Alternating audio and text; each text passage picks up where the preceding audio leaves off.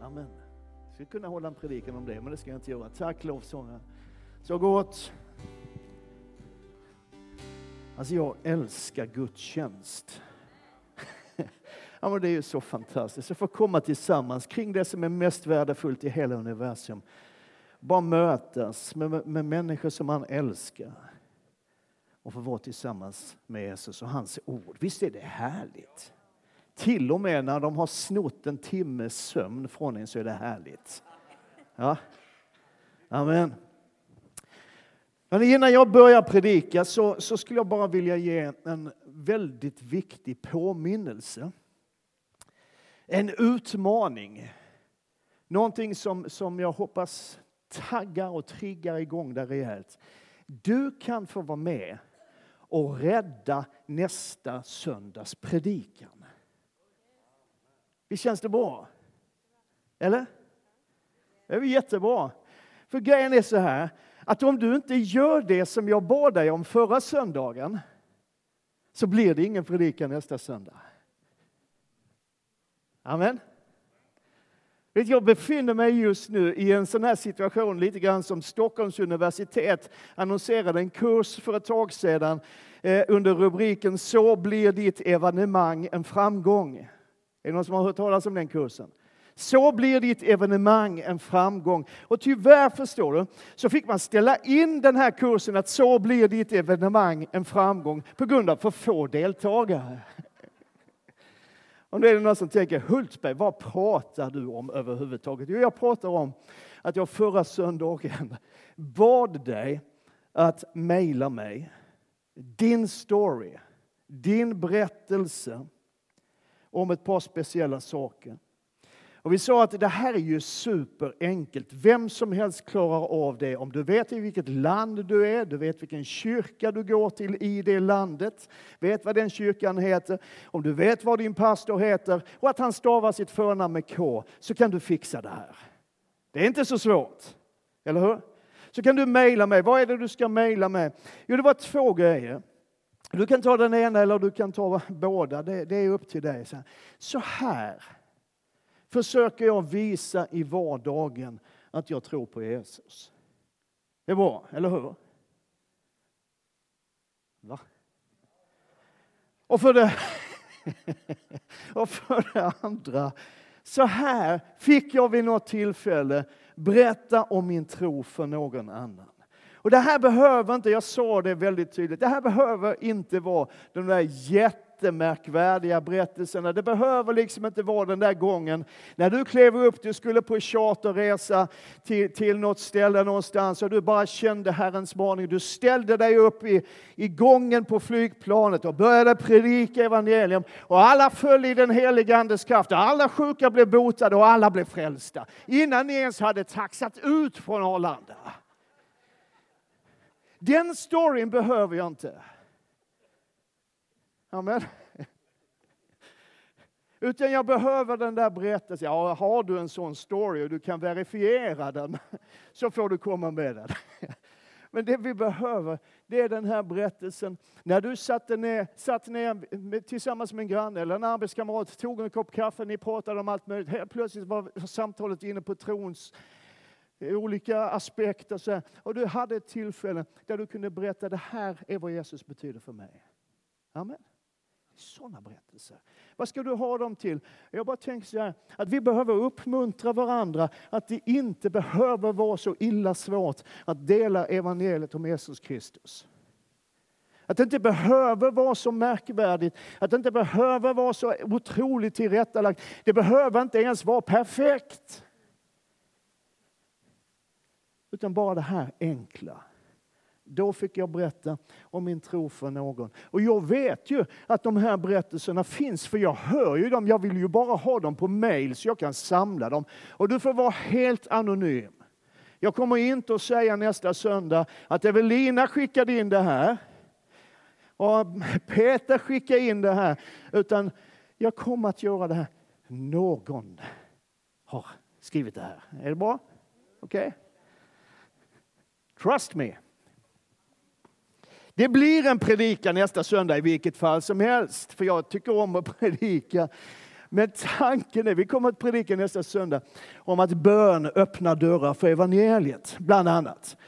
Men jag skulle vilja ha den här lilla banken av, av liksom stories som kan uppmuntra både mig och andra till att det går faktiskt att säga någonting om Jesus, att dela någonting om Jesus mitt i vardagen. All right. Så vi inledde den här serien av predikningar förra söndagen. Vi kallar den för ett steg till, därför att vi tror att Gud vill att vi ska ta ett steg till.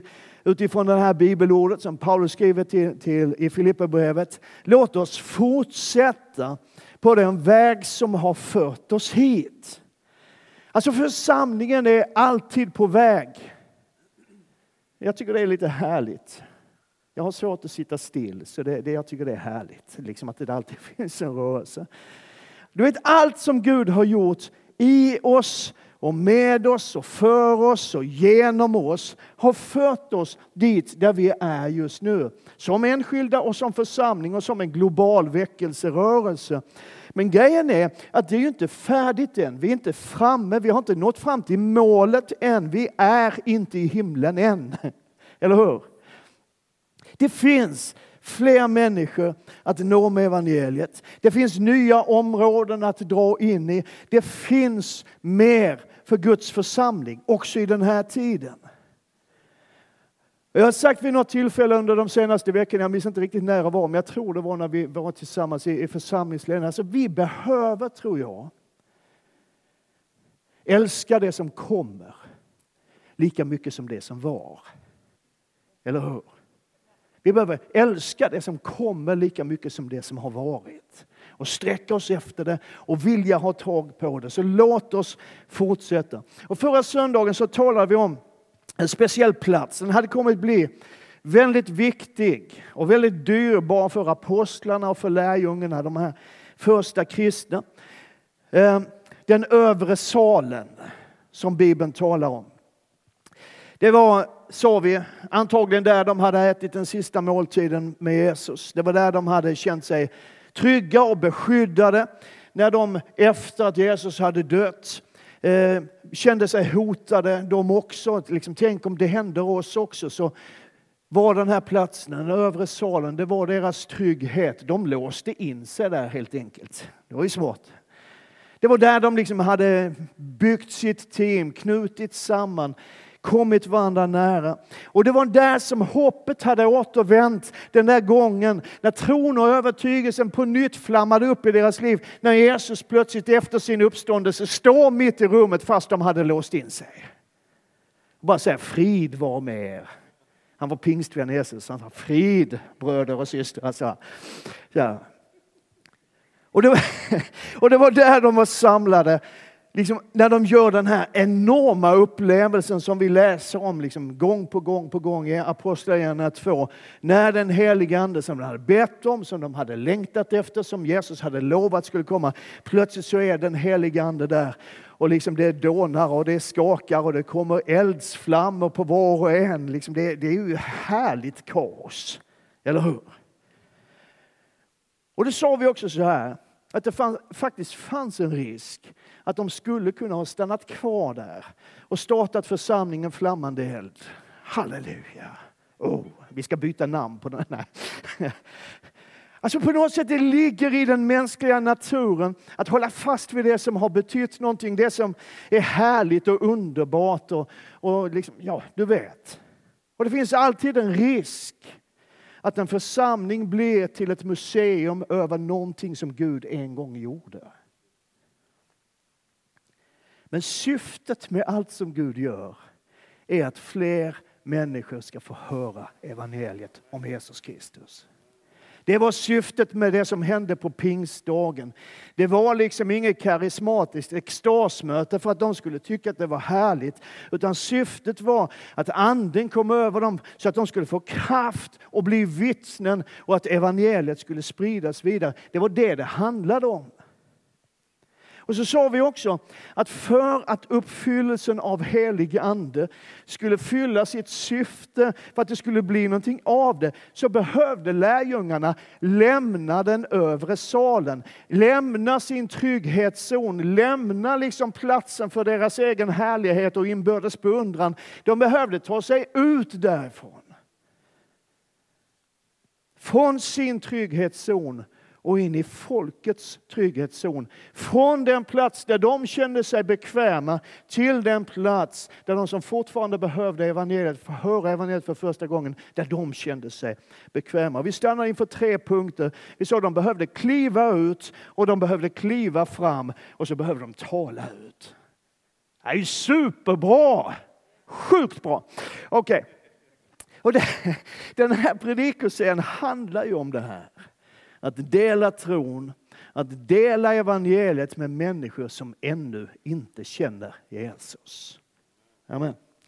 Vet, de senaste veckorna så har jag läst Apostlagärningarna rakt igenom en gång till. Jag börjar fundera på hur många gånger har jag gjort det här? Jag har varit frälst i drygt 40 år. Jag har nog minst en gång om året plöjt igenom Apostlagärningarna. Den här gången så har jag läst med ett syfte, ett speciellt syfte inför den här söndagen. Att försöka ta reda på hur det går till och vad det är som händer i apostlagärningarna när människor kommer till tro. Liksom funderat över, finns det ett mönster? Så här gjorde man. Och det kanske är något av en besvikelse då för det hade varit så smidigt och bra om man liksom bara upptäckte en lista i Apostlagärningarna med instruktioner. Liksom fem steg till att föra någon till tro. Jag hittade inte riktigt det. Men det jag har hittat visar på ett annat mönster. Som på ett sätt kanske är lite mer ansträngande. Man får jobba lite grann för att ta det till sig. Men det är ändå ett ganska tydligt mönster rakt igenom hela apostlagärningarna. Och det är framförallt två saker. För det första, Gud möter människor på olika sätt. Och för det andra, och han använder alltid människor. Så bra! Nu kan jag gå och sätta mig. Men det ska jag inte, jag ska predika jättelänge idag. Vet du, det står i Guds ord att Jesus vann omkring och undervisade sina lärjungar länge. Står det. det står faktiskt det. Det står det. Jag kan visa det. Där. Han undervisade länge. Säg länge. Ja, härligt. Kände att det fanns en respons där. Man skulle också kunna uttrycka detta på det här sättet att Gud möter människor där de är. Och han använder alltid människor. Och jag ska visa dig några exempel idag. Tre typ. Personer som blir födda till tro i apostlagärningarna. Där jag tror vi kan lära oss någonting som är, är, är värdefullt. Den första handlar om Filippus och hovmannen. Hur många känner till den berättelsen? Rätt många. I Apostlagärningarna 8 så berättas det om hur en förföljelse bröt ut bland de kristna, eller mot de kristna i Jerusalem. Och I spetsen för de här utrensningarna och arresteringarna och förföljelsen och åtalen och allt vad det nu var, så stod Paulus, eller Saulus som han hette på den tiden. Det här var innan Paulus hade blivit en kristen själv. Och man kan ju tycka att det är ju väldigt negativt att de troende blev förföljda och satta i fängelse. Men hela grejen är att det ser ut som att de hade fastnat i Jerusalem, de kristna. Alltså de tog sig ut ur den övre salen. Men sen var det lite stopp. De var kvar där i Jerusalem. Jag tror inte i och för sig att Gud skickade på dem en förföljelse, men Gud använde den förföljelse som kom för att få någonting att hända. Därför att på grund av förföljelsen så var de tvungna att fly. En del av de flydde för sina liv och spreds ut över landet, de kristna i Jerusalem. Och för, första versen i Apostlagärningarna 8, den anger faktiskt i detalj vad det var de handlade. Jo, de hamnade i Judeen och Samarien, precis som Jesus hade sagt till dem att när den helige Ande kommer över er så ska ni få kraft att bli mina vittnen i Jerusalem. Och så mycket hade de ju fattat. Där var de. och Judeen och Samarien. Och sedan till jordens yttersta gräns. Det var vad Jesus sa, det var syftet med den helige Ande. Och de hade liksom kommit till Jerusalem. Nu blir de tvungna att flytta på sig på olika håll. Och då kommer de just till Judeen och Samarien. Det fanns liksom en ny trygghetszon som de behövde lämna och komma vidare. Och på grund av förföljelsen så, så skedde det. Och en av de här som drog iväg, det var Filippus. Och han var ingen apostel, han var en av dem som hade hand om matutdelningen till de fattiga och till änkorna. En diakon eller en församlingstjänare.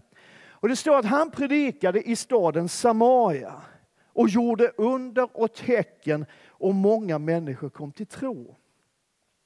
Man kan liksom säga att, att Filippus upplevde han hur hans ministry, hans tjänst pikade. Liksom. Han hade aldrig varit högre upp någonstans. Det var ju liksom hur härligt som helst. Han predikade, folk blev botade och demoner for ut och folk kom till tro. Han tyckte säkert det här är ju toppen. Åh, vad härligt det här är. Liksom. Och så mitt i alltihopa där, mitt i Filippus framgångsrika väckelsekampanj i Samaria, så talar Gud till honom genom en ängel. Och man kan tycka att det är ett lite underligt budskap han får. Så här säger ängeln, stå upp, gå ut mitt på dagen längs vägen som går ner från Jerusalem mot Gaza. Den ligger öde. Och Filippus reste sig och gick. Alltså han är mitt uppe i en väckelse. Han är mitt uppe i, är liksom upptagen med människor som blir helade och befriade och kommer till tro. Men Gud säger åt honom att lämna det han håller på med för att gå till en plats som är tom på folk. Lite konstigt. Då kom en etiopisk hovman som var eunuck och ansvarig för hela skattkammaren hos den etiopiska drottningen Kandake. Hade, han hade kommit till Jerusalem för att tillbe och var nu på väg hem och satt i sin vagn och läste profeten Jesaja. Då sa anden till Filippus, gå fram till vagnen och håll dig nära den. Den här mannen från Etiopien har på något sätt kommit till tro. Till judisk tro. Han har rest till Jerusalem för att tillbe på judarnas sätt i Jerusalem. Och han läser de judiska heliga skrifterna som vi kallar Gamla testamentet. Och det han läser just där och då, tydligen högt eftersom Filippus hörde vad han läste, det är när Jesaja profeterar om Messias, om Jesus. Filippus skyndade fram och när han hörde honom läsa profeten Jesaja frågade han, förstår du vad du läser? Mannen svarade, hur skulle jag kunna det om ingen vägleder mig? Och han bad Filippus komma upp och sätta sig bredvid honom. Hovmannen sa till Filippus, jag vill fråga dig vem profeten talar om, om sig själv eller någon annan. Och så började Filippus tala utifrån det skriftstället, förklarade han evangeliet om Jesus för honom. En man som har en tro, som vill veta mer, som vill förstå. Det är en sökare som själv ber om hjälp han har frågor men vill ha svar. Har du mött sådana människor? Man möter dem ibland. Och Filippus tar sig tid, förklarar, undervisar. Och det leder till att den här mannen tar emot Jesus och blir döpt. Och sen står det att han fortsatte sin resa full av glädje. Och vet, de här människorna finns omkring oss. De här som söker, de som kanske läser Bibeln, som tar del av, av vittnesbörd och kollar på tv-program och, och sånt här som handlar om kristen tro. Människor som behöver få lite förklaring ibland, få lite undervisning. Och för att de ska kunna få det, älskade syster och bror, så behövs det någon som kliver ut, som kliver fram och som talar ut. Och lyssna, anden ledde Filippus till rätt plats vid rätt tillfälle. Vet, hade han gått ut en halvtimme senare på den här tomma vägen så hade det varit kört. Hade han gått ut en halvtimme tidigare så hade han hunnit bli läst och gått och tagit en fika på Starbucks istället. Men han var där där det behövdes. Varför det? Därför att den helige Ande ledde honom. Tänk om vi kunde fatta hur viktigt det är för dig och mig att vi lyssnar in vad Anden säger. Att vi lyssnar in den där lilla impulsen. Jag, ibland kan jag vara lite frustrerad. För att åtminstone i mitt liv så är den heliga Andes röst ofta bara en liten viskning. En liten sån här. Du. Och ibland är man så väldigt upptagen och så liksom mitt inne i det man håller på med så man märker kanske inte ens den där lilla, du, kom igen. Och jag tror vi behöver, både du och jag, ibland avskilja lite grann tid för att lyssna in vad Anden säger. Vad vill du ha mig? Vad vill du att jag ska gå? Vem är det du vill att jag ska prata med? Kanske till och med börja dagen på det sättet. När du har tagit din kaffe och ätit din frukost och du knäpper ihop dina händer. Och säger jag bara be helige Ande, led mig idag. Och öppna mina öron, min hjärtas öron kanske framför allt. För att höra din röst och liksom fatta när du vill någonting. Amen. Det var liksom ingen slump att Filippus var där just då. Amen. Två kapitel längre fram, tionde kapitlet i, i Apostlagärningarna, så finns en märklig berättelse som handlar om den romerske officeren Cornelius. Och det står så här, i Caesarea bodde en man som hette Cornelius, en officer vid den italiska vaktavdelningen. Han var from och fruktade Gud, liksom alla i hans familj. Och han gav generöst med gåvor till folket och bad alltid till Gud. Vad härligt! En romersk officer, uppenbarligen en rätt schysst kille ändå. Han hjälpte dem som hade behov och han hade en tro på Gud. Men han visste inget om Jesus. Och du vet, det finns ju så många människor här i Enköping, runt omkring oss, i ditt liv också. Människor som säger, ja men jag tror på Gud. Eller jag tror på en högre makt, eller jag tror på någonting. Det är ju jättefå människor som säger, jag tror inte på något. Väldigt få människor säger, jag tror inte på någonting alls överhuvudtaget. Utan det finns ju där. Ja, men jag tror på Gud, eller jag tror på någon högre makt. Jag tror på kärleken. Jag tror på sommaren, gör en del, men det, det kanske inte är så starkt. Men man har missat Jesus. Och den här Cornelius då, han får plötsligt se en syn.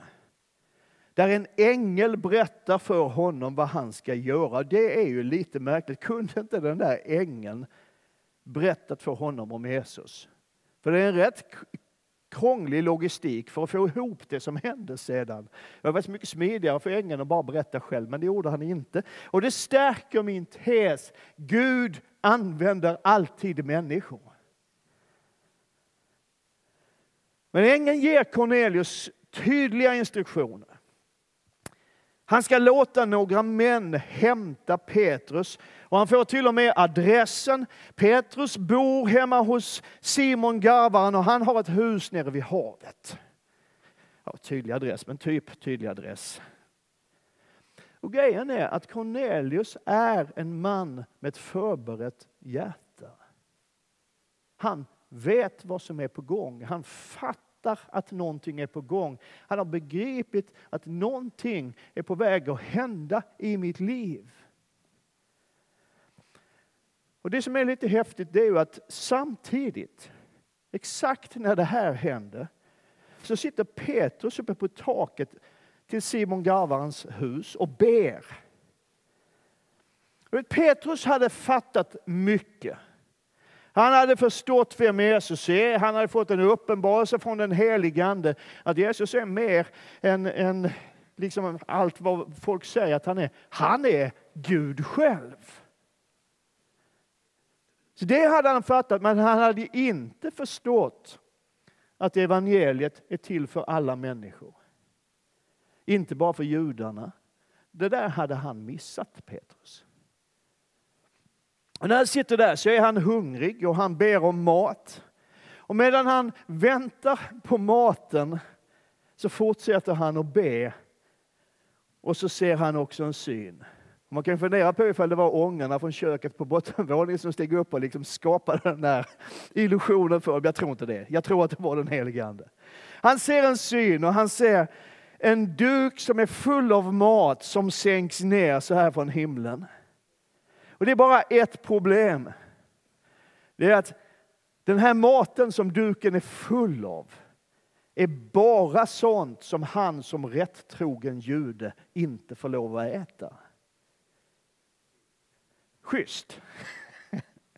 Och så hör han en röst som säger Petrus, ta för dig och ät.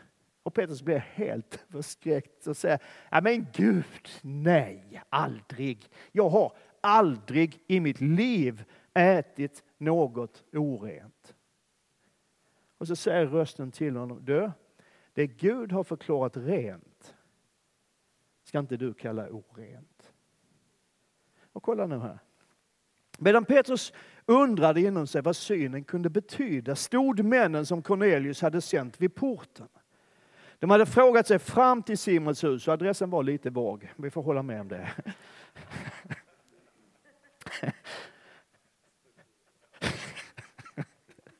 Och nu ropar de och frågade om Simon, som kallas Petrus, var där som gäst. Petrus funderade fortfarande över synen när anden sa till honom, se tre män söker dig. Gå ner och följ med dem utan att tveka, för det är jag som har sänt dem. Och så följer Petrus med dem hem till Cornelius. Och när Cornelius har berättat om sin syn så fattar Petrus att evangeliet är inte bara för judar, det är lika mycket för en romersk officer. Och då börjar Petrus att berätta om Jesus, det som Cornelius hade missat.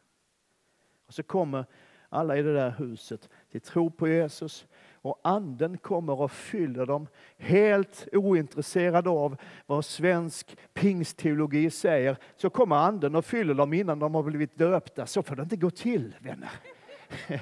Men så blev det. Anden bara kommer och dånar in liksom innan. De, de har ju knappt ens bekänt sin tro på Jesus än.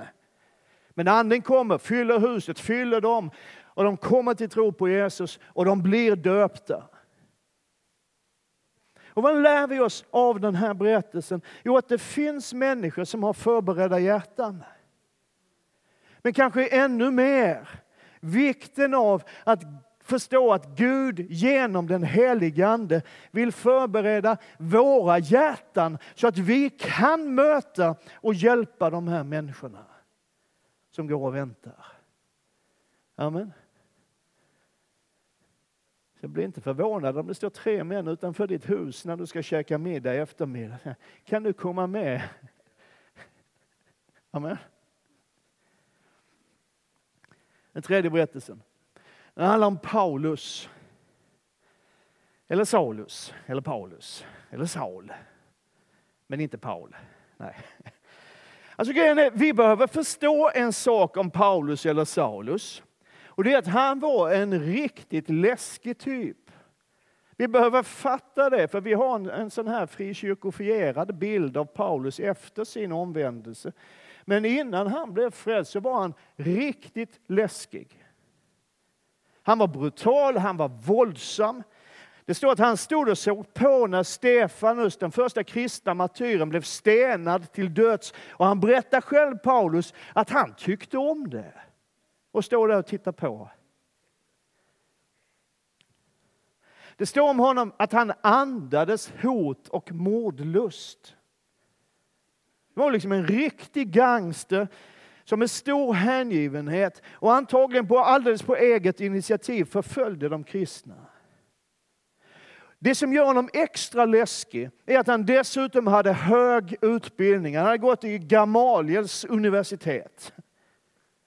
En akademiker, hög utbildning, intellektuell och dessutom väldigt vältalig. Och om du kombinerar det här, hans enorma hat, hans vrede med ett lysande intellekt, charmerande, vältalig. Vad har du? Du har en psykopat framför dig.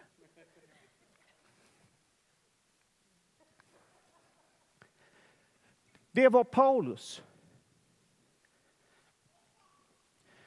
Och de flesta av oss i den här lokalen idag känner till berättelsen om hans omvändelse i Apostlagärningarna 9. Den är ju lite annorlunda. Han är på väg till Damaskus för att han ska fängsla de kristna. Han har själv kommit på det. Han har lyckats få ett tillstånd från översteprästen att han får åka iväg till Damaskus för att fängsla de kristna, förfölja dem, göra så mycket illa han kan mot den, den kristna rörelsen. Och på vägen dit så är det plötsligt ett enormt ljussken omkring honom. Han slås till marken av Guds kraft och han ligger där och hör en röst som talar Saulus, varför förföljer du mig? Och han fattar ingenting. Vem är du? Och han tror ju att han förföljer de kristna. Men han som talar till honom säger, jag är Jesus, den som du egentligen förföljer. Så nu har du vänt dig mot Gud själv. Och Paulus blev så omskakad, så totalt liksom bara drabbad av Gud. Ljusskenet gör att han är blind. Han blir ledd in i Damaskus. Han vill varken äta eller dricka på tre dagar. Han vill bara be. För han har börjat inse någonting. Och då blir ju frågan, vem på den tiden och vem i vår tid tar hand om en sån som Paulus? I Damaskus fanns en lärjunge som hette Ananias. Till honom sa Herren i en syn, Ananias han svarade, här är jag Herre. Det sa Herren till honom, res dig, gå till raka gatan och fråga i Judas hus efter en som heter Saulus från Tarsus, för han ber. Och I en syn har han sett hur en man som heter Ananias kommer in och lägger händerna på honom så att han kan se igen. Vet, ibland så säger vi så här, ja, men om, Gud inte, om jag inte gör det Gud vill så kommer Gud att sända någon annan. Det är ju lite svårt när Gud redan har talat om för den som väntar att det är du som ska komma. Eller hur? Han har redan insett att det kommer någon som heter Ananias. Det finns ingen annan i hela Damaskus som heter Ananias, så nu får du gå. Eller hur? Och Ananias har invändningar. Han säger till Gud, men du Gud, vet du inte om, vi har hört rätt mycket ont om den mannen. Har du liksom missat det? Han är här för att fängsla alla kristna. Det vet alla vi, vet inte du det Gud? Och så säger Gud, ja men gå i alla fall, för jag har andra planer för honom. Då gick Ananias och när han kom in i huset la han händerna på honom och sa Saul, min broder. Herren Jesus som visade för dig på vägen hit har sänt mig för att du ska kunna se igen och bli uppfylld av den helige Ande. Genast var det som fjäll föll från hans ögon. Han fick tillbaka sin syn och han reste sig och blev döpt. Jag, jag fattar, alltså, den här berättelsen tar mig så oerhört. För Ananias vet mycket väl vem Paulus är. Han är rädd för Paulus. Han vet att det här är en skum människa. Men när Gud har talat in i Ananias liv så kliver Ananias in till den här våldsverkaren, till den här mannen som antagligen hade flera kristnas liv på sitt samvete, som hade fängslat kristna. Och så säger Ananias till honom, Paulus, brorsan, min bror. Det är så vackert. Det är så otroligt vackert.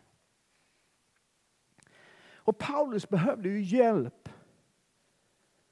Eller hur? Och det fanns en Ananias som trots allt han visste om Paulus var beredd att finnas där för honom. Någon som var beredd att se bortom det uppenbara, det som alla andra såg. Någon som var beredd att se Guds verk i en annan människa. Någon som inte dömde, utan någon som vågade visa tuffingen Paulus lite kärlek och lite omsorg.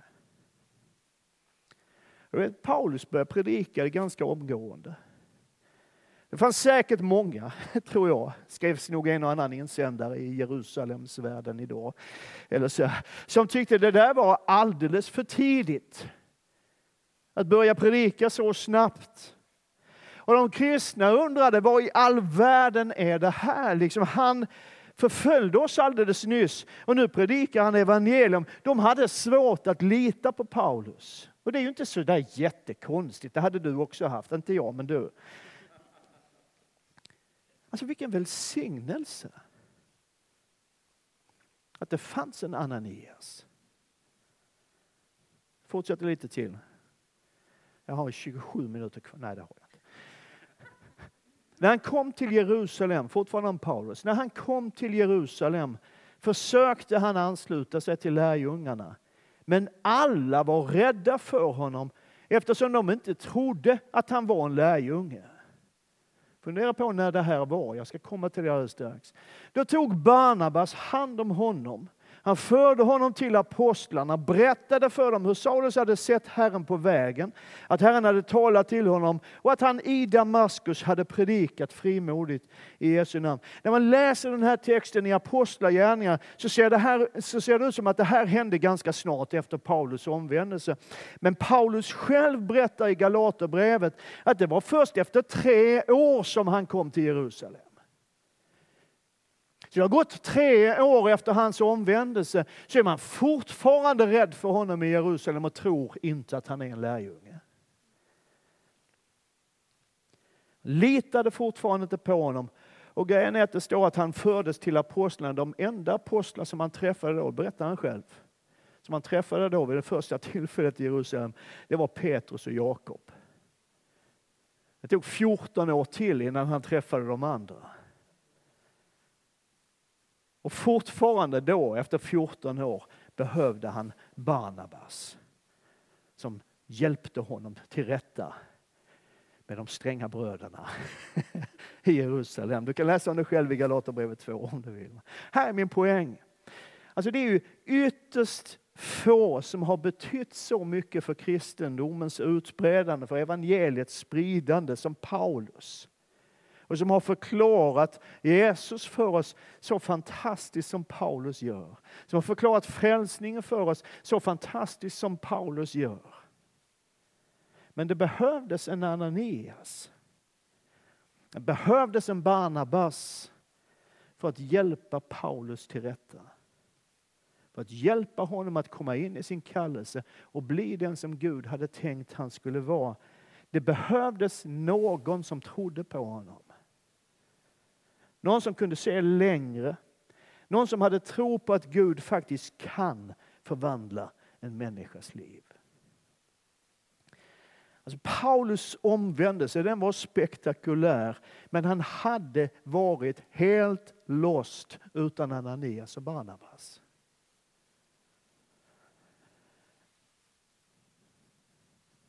Bara för att dra en parallell till vår tid. Aktuella händelser i vår tid. Vad tror du Sebastian Staxet hade varit idag?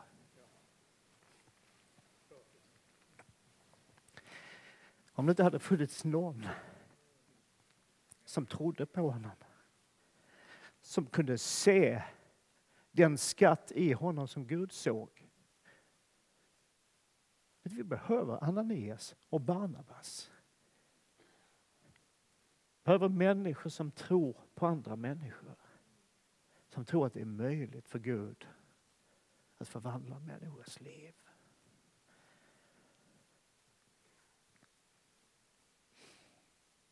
Så sammanfattningsvis, sen har jag en sväng till, men vi börjar med att sammanfatta.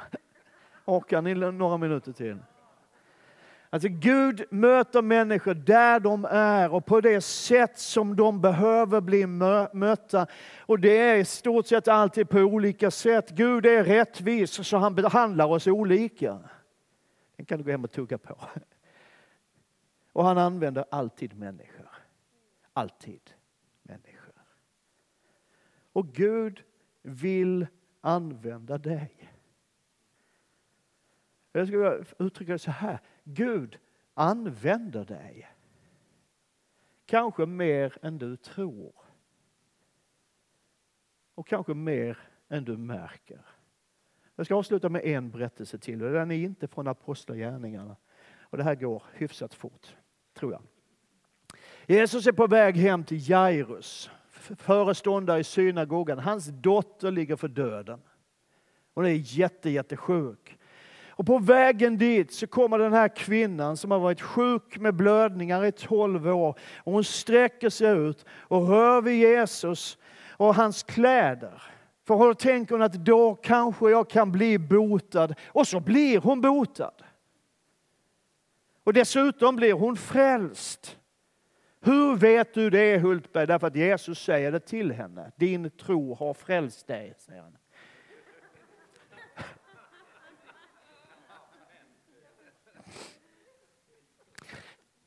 Grejen är att den här berättelsen finns i tre av evangelierna.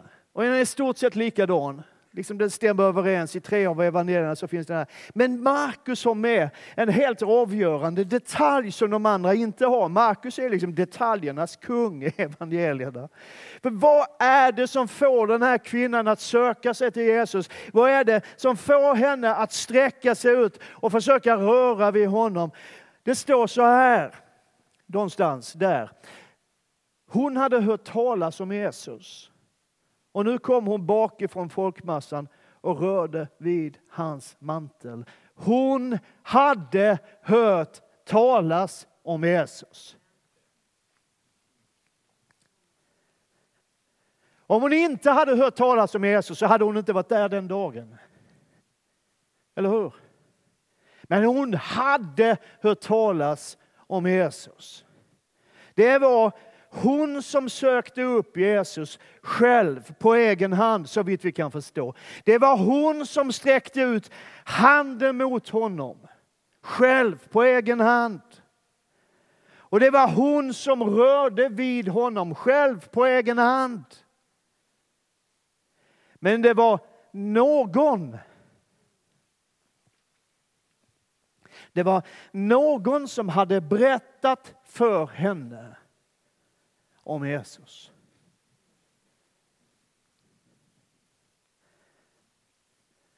Någon som kanske inte fick så där jättemycket respons på sitt vittnesbörd. Någon som kanske till och med kände sig lite besviken på att vittnesbördet, berättelsen om Jesus, den gången inte alls såg ut att resultera i att den där kvinnan kom till tro. Som kanske gick hem och deppade och tänkte att ja, det var ju meningslöst att berätta för henne om Jesus. Resultatet av det där vittnesbördet, den där storyn om vad Jesus har gjort. Resultatet kom på en annan plats vid ett annat tillfälle. Men det var någon som hade berättat för henne om Jesus. Och det jag vill säga till både dig och mig idag, det är att be att den helige Ande leder dig till någon människa som behöver få del av din berättelse om Jesus. Kanske finns det någon som behöver en Filippus som kan förklara och undervisa. Det finns en del människor som behöver det. Och en del av oss känner, ja men det klarar jag inte riktigt av. Jag kan inte förklara allt och jag, jag, jag, får inte ihop allting själv. Så hur ska det gå? Men det kanske finns någon annan som behöver en Petrus. Det kanske, definitivt finns det väldigt många som behöver en Ananias. En Barnabas som egentligen inte gjorde någonting annat än att de brydde sig och de vågade tro att Gud kan förvandla. Du behöver inte kunna förklara precis allting. Vem kan det? Det kan inte jag heller. Men du behöver få finnas med i den här rörelsen, det som vi brann för. Kom du ihåg det? Det fanns en tid i våra liv när vi verkligen brann för att människor skulle få höra om Jesus. Och jag tror att Gud kallar oss tillbaka, inte in i den tiden, rättare sagt ska jag säga så här, ta bort det, vi klipper bort det sen. Gud kallar oss framåt in i det. Att brinna för och leva för att människor ska få höra om Jesus.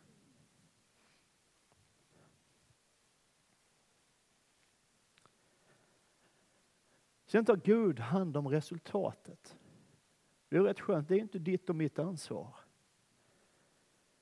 Och jag tror att vi ibland behöver tagga ner lite grann på våra egna krav. Liksom hur bra det måste vara, hur extremt genomtänkt det måste vara. Vilka snygga powerpoint-bilder vi måste ha när vi förklarar liksom vägen till Jesus hemma vid köksbordet. Liksom. Vi kopplar upp på tvn och visar. Alltså, och hur mycket vi måste kunna och veta och vara pålästa för att våga öppna munnen och berätta om Jesus. Fredag och lördag så var, så var vi i Falun, en vacker plats. Eh, Lugnetkyrkan hade en konferens, en ledarkonferens som handlar om precis det som vi är inne i nu i vår församling. De kallar det för ge det vidare. Det är precis samma sak som ett steg till. Liksom. Att dela evangeliet i vår tid. Det var fantastiskt bra. Det är mycket som behöver processas känner jag efter det. Men en sak som jag skulle vilja skicka med dig, som jag tyckte var så grymt bra. Eh, sades av en av mina absoluta favoritförkunnare i det här landet som heter Lisa Fredlund, före detta pastor i, i Östermalmskyrkan i Kristianstad, jobbar numera med Växa-programmet inom, inom EFK, Evangeliska Frikyrkan. Hon sa så här, det är genom äkthet tron förmedlas, inte genom perfekthet. Det är sjukt bra. Det är genom äkthet tron förmedlas. Din berättelse räcker. Det Jesus har gjort i ditt liv, det räcker så länge det är äkta det du berättar. Att det är på riktigt. Your story to his glory. Din berättelse om vad Jesus betyder för dig, vad han har gjort i ditt liv, kan få bli det som förvandlar en annan människas liv. Ska vi få upp lite lovsångare så ska vi resa på oss allihop just nu. Så här länge har jag sällan predikat i den här kyrkan. Det ska du vara tacksam för. 45 minuter. Men jag hade roligt. Men grejen är så här, så det här, det här, ju mer jag läser det här, ju mer vi har pratat om det i teamet, ju mer vi går in i det här, desto mer så, så bara upplever jag, ja men det här är ju någonting som Gud vill. Det är ju inte någonting som vi i, i teamet eller församlingsledningen har bestämt att ja, men nu ska vi ha den här inriktningen. Det här är ju någonting som ligger på Guds hjärta. Att människor i Enköping, att människor på din arbetsplats, att människor i din familj, på din skola där du finns, att de människorna ska få höra någon berätta om Jesus.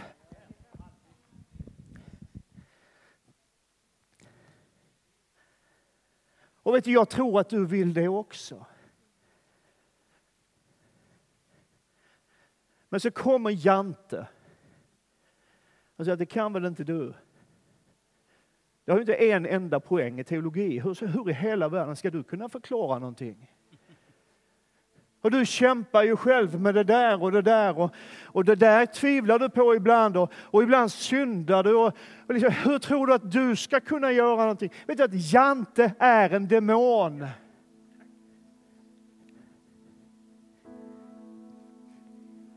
För du kan berätta om Jesus Kristus. Vet den här personen eller personerna som berättade för den här kvinnan om Jesus, det var ju uppenbarligen någon som hade gjort det, eller hur? För inte några som helst creds i evangelierna. Vi har ingen aning om vilka de var.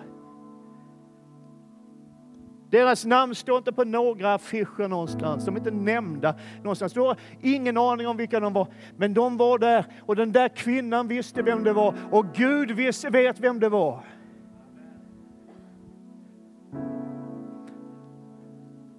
Jag vill att vi ska göra så här just nu. I en stund av överlåtelse.